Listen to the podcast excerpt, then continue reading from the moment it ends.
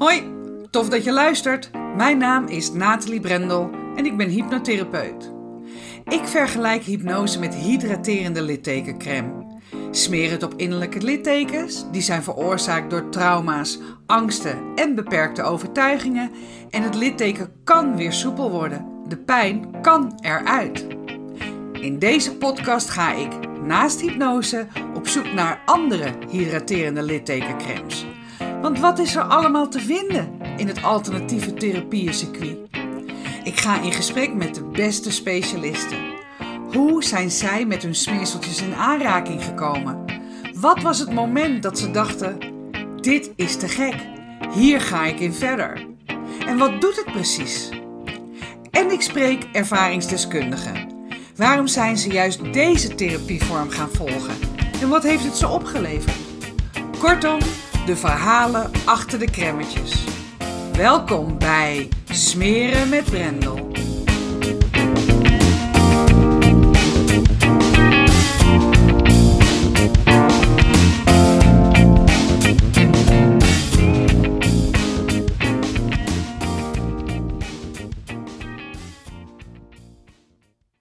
Alles wat je aandacht geeft, groeit. Ik herhaal hem nog een keer. Alles wat je aandacht geeft, groeit. Dit is wat ik vaak zeg tegen mijn cliënten bij mij in de praktijk. Want alles wat je aandacht geeft, groeit. Maar hoe werkt dat dan? Hoe komt het dan dat alles wat je aandacht geeft, groeit? Ik dacht, daar ga ik een podcast over maken. Want gisteren legde ik het nog uit aan iemand. En ja, het is eigenlijk zo'n tof verhaal. Vooral ook omdat je zelf invloed hebt op waar je je op focust. Dat je dat dus kan trainen. En met hypnose zelfs ook kunt inhypnotiseren. Dat maakt het daarom ook alleen al zo krachtig. Maar even terug. Hoe komt het dat alles wat je aandacht geeft groeit? Dan neem ik even mee naar je brein. Je brein is anderhalve kilo zwaar, ongeveer 2, 3 procent van je lichaamsgewicht. Maar het soupeert in rust zeg maar 20 procent van jouw energie op. Dus 20% van je energie gaat naar 2, 3% van jouw lichaamsgewicht. Dus je kan je voorstellen dat het enorm veel energie vraagt om dat brein te laten werken. En wat vraagt er dan precies zoveel energie? Nou, ik heb hier het boek van Ab Dijksterhuis voor me liggen, Het Slimme Onbewuste.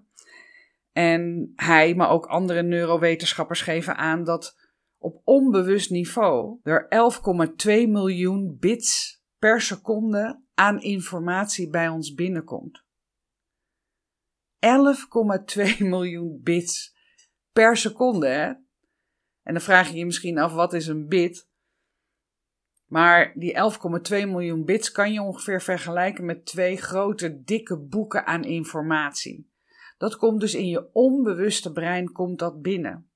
Daar ben je je dus niet bewust van, hè? want op bewust niveau is dat maar 60 bits per seconde. Als ik jou mijn 06-nummer geef, dan kan je dat wellicht, hè, die 10 cijfers, direct reproduceren. Maar als ik het je over 10 minuten nog een keer vraag, dan is, is de kans groot dat het gewoon weg is. Dus onbewust krijg je die informatie gewoon niet, uh, of, of op bewust niveau krijg je niet zoveel informatie verwerkt. Dus op onbewust is het 11,2 miljoen bits per seconde wat er binnenkomt. En wat doet je brein? Want ja, dat wil natuurlijk zo energiezuinig mogelijk werken. Dus het doet drie dingen. Het generaliseert. Het vult in. Of het laat weg. En als ik het heb over dat je brein generaliseert, dan bedoel ik daarmee dat je nou, vroeger op een klein fietsje hebt leren fietsen. En dat je nu gewoon op een grote fiets wegfietst. En je fietst niet eens op een gewone fiets weg. Het maakt niet eens meer uit of je nu op een elektrische fiets stapt, of op een racefiets, of op een mountainbike. Op iedere fiets met twee wielen, hè, waarop jij hebt leren fietsen, fiets jij gewoon weg. En dat is wat ik bedoel met dat je brein gewoon generaliseert. Als iets namelijk één keer gebeurt, denkt je brein van oké, dit is een incident, bij de tweede keer denkt je brein, hé, hey, nou dat is toeval dat het nog een keer gebeurt, maar bij de derde keer denkt je brein, hé, hey, dit is een patroon. Als dit, dan dat. Dus je fietst op iedere fiets gewoon weg. Het tweede wat je brein doet om energie te besparen, om dus zo zuinig mogelijk te zijn, is dat het vult zelf in.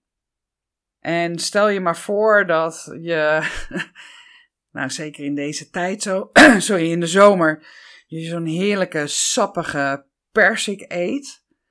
En dat je daar nu in bijt, als je je daar een voorstelling van maakt. Zo'n heerlijke zoete sappige persik. Nou, bij mij beginnen mijn smaakpapillen al te werken en, en er wordt al extra speeksel aangemaakt in mijn mond. De term het water loopt me in de mond is ook daarvan. Je hoeft het niet eens te eten om de reacties te krijgen van je lichaam alsof je het wel eet. En dat is wat ik bedoel met je brein vult dat dus zelf in. En het laatste wat je brein doet om zo energiezuinig mogelijk te zijn, is dat het heel veel weglaat. Heel veel van die 11,2 miljoen bits per seconde die je binnenkrijgt, ja, daar neem je niet eens notie van. En er is één gedeelte in je brein wat daarvoor zorgt, en dat is je RAS. Je RAS oftewel je reticulair activatiesysteem.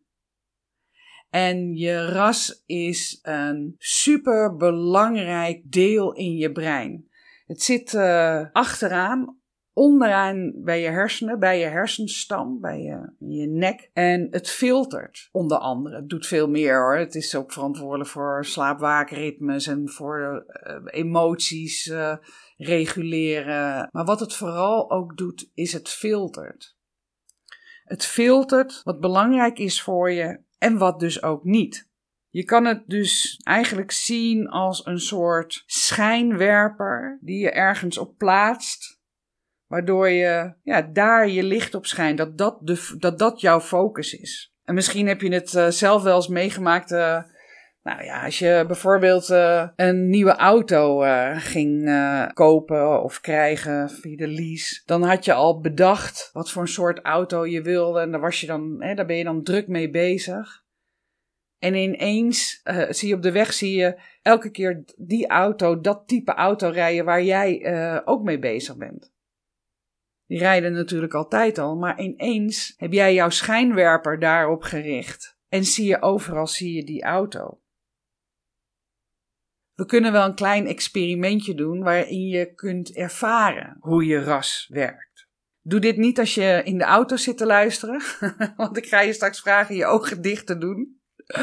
Maar zit je ergens op een plek of sta je ergens op een plek waar jij ook uh, uh, veilig straks je ogen even dicht kunt doen, doe dan vooral mee. En ja, dit is ook altijd een, een leuk experimentje om te doen op een verjaardag, op een feestje of, of bij je kinderen tijdens het avondeten. Maar ik wil je vragen om nu om je heen te kijken en alles te zien wat blauw is. Kijk om je heen en zie blauw, blauw, blauw. Zie het allemaal over om je heen. Blauw, blauw, blauw, blauw. Kijk om je heen. Waar zie je allemaal blauw, blauw, blauw, blauw, blauw, blauw? Overal om je heen kijkend. Blauw, blauw, blauw. Oké. Sluit nu je ogen. Sluit je ogen. Doe je ogen dicht. Doe je ogen maar dicht. Sluit je ogen. En vertel me nu, wat was er rood? De kans is groot, zeker als je niet in je eigen huiskamer weet, bent en weet waar de rode dingen staan, dat je er niet op kunt komen. Dus doe je ogen nu maar open. En kijk nu om je heen wat er allemaal rood is. Zie maar wat er allemaal rood is. En het mooie is, dat was er net dus ook allemaal al. Het was er allemaal al, alleen jij hebt het niet waargenomen omdat jij je focus, je schijnwerper had op blauw. Maar het is er dus allemaal al. En jouw focus bepaalt dus wat jij waarneemt. En dat betekent dus ook dat als jij doelen stelt voor jezelf en je focust daarop, dat de kans dan ook groot is dat je ze gaat behalen op het moment dat je je niet laat afleiden. En de afleiding is natuurlijk heel erg groot. Dus de vraag is ook: hoe kan je focus behouden? Want jij bepaalt dus wat je waarneemt met die focus. Terwijl ik deze podcast aan het voorbereiden was, uh, dacht ik aan een voorbeeld van mezelf. Ik heb in 2008 eh, de marathon van New York gelopen. Ik was, weet ik veel, in 2006 uh, gestopt met roken en was gaan hardlopen omdat ik vond dat dat, um, dat, dat mijn conditie zou verbeteren. wat uiteraard natuurlijk ook zo was. En ik kreeg een uh, vriendinnetje. Ik leerde Sandra kennen. En Sandra was een hardloopster. Die heeft het lijf van een hardloopster. Die loopt nu nog prachtig hard. Dat is echt zo'n hinde. En ik ben steviger. Was helemaal geen atleet. Maar ben wel begonnen met lopen. Toen zei Sandra tegen mij van, nou, is het niet leuk om een doel te hebben? Om ergens voor te gaan lopen. En toen dacht ik, ja, als we dan toch doelen gaan stellen, dan is het wel tof om de marathon te lopen. En als we dan toch een marathon lopen, dan niet die van Amsterdam, zodat je s'avonds weer gewoon bij jezelf thuis achter, uh, achter je bord met eten kruipt, maar dan New York, zodat het ook gewoon echt een feestje is. Dus het doel was gesteld. Wij gingen de marathon van New York lopen. En ik heb daar ten eerste een. Um, een juf voor aangesteld, een trainster voor aangesteld. Eh, we noemden haar juf, juf Manna. En zij ging wekelijks met mij lopen. Zij maakte schema's, zodat ik zo goed mogelijk in ieder geval voorbereid was op die marathon. En omdat ik natuurlijk helemaal geen loper was, helemaal geen atleet was, kostte het me heel veel moeite. Ik moest heel veel kilometers moest ik ook maken. Soms maakte ik wel 100 kilometer per week. En daardoor ja, had ik overal pijn. dus ik ging ook iedere week ging ik naar de masseur om me te laten masseren. Ik werd gekraakt, alles maar om mij zo goed mogelijk in conditie te houden. En toen op een gegeven moment ik daar weer op die bank lag en het had over mijn pijntjes en seertjes en dat het allemaal niet vanzelf ging. Um, zij zei van Nathalie, focus je op de finish. Visualiseer voor jezelf alsof je gewoon over die finish loopt in Central Park. Zie het gewoon voor je, hoe dat dan voor jou gaat zijn. Hoe dat voelt, wat, je, ja, wat dat in je lijf doet, dat je dat voor elkaar hebt gekregen. En mijn focus ook vooral op dat beeld. En dat was voor mij echt de gouden tip. Want op het moment dat ik in training het even zwaar had, was elke keer weer dat beeld dat ik daar in Central Park over die finish ging. En dan voelde ik het en dan dacht ik van ja, dat ga ik gewoon, dat ga ik gewoon doen, dat gaat gewoon lukken. Dus iedere stap in training die ik zette, vervolgens was met, met dat beeld voor ogen. En uiteindelijk uh, kwam de dag aan dat wij daar uh, in New York waren, die zondagochtend het startschot ging. En ik loop zo over die eerste brug, want daar begin je dan. Je hoort Frank Sinatra over de luidsprekers New York, New York zingen. En in de rivier zijn boten met uh, enorme spuitmonden die, die waanzinnige waterfonteinen creëren. En ik liep daar en de tranen liepen over me. Als ik er weer aan denk, word ik, word ik er gewoon weer emotioneel van dit doet je ras dus. Ik liep daar en ik dacht bij mezelf: ik ga dit zo redden. Er is geen enkele twijfel. Ik wist dat ik mijn doel zou gaan halen. En dat is ook gebeurd. Dus het feit dat je dan op een gegeven moment aankomt in Central Park en ik liep met mijn uh, uh, loopmaatje Jaap en we komen daar aan en daar is dan die finish en dat moment dat je dat zo vaak verbeeld hebt en dan is het werkelijkheid. Ja, dat is, dat is waanzinnig. Dus ja, dat is wat je ras doet. Je ras zet de schijnwerper op waar jij je op focust. En het mooie ook, vind ik, is dat het dus te sturen is. Als ik mijn focus alleen maar had gehad op de pijn uh, van het trainen, de, de pijn van mijn spieren, de zere voeten. Ja, dan was de kans heel erg groot geweest dat ik wellicht had afgehaakt en het niet had gedaan. Maar juist door mijn doel heel positief te formuleren, ben ik die finish overgegaan. En dat is wat ik nu ook mijn cliënten meegeef. Dat is ook wat ik mezelf iedere keer weer ja, bewust maak. Alles wat je aandacht geeft, groeit. En het loont dus om je doelen, alles wat je aandacht dan ook geeft, positief te formuleren. Want het activeert je ras, je reticulair activatiesysteem, en die zal dus ook altijd op zoek gaan naar mogelijkheden om je te helpen je doelen te bereiken. Heb een mooie dag. Bedankt voor het luisteren naar Smeren met Brendel. Vond je dit een toffe podcast? Laat dat dan vooral weten door een 5-sterren review achter te laten. En ken je iemand die deze podcast vast ook interessant vindt? Dan zou ik het waanzinnig waarderen wanneer je hem deelt. Wil je het direct weten als de volgende podcast Smeren met Brendel klaar staat?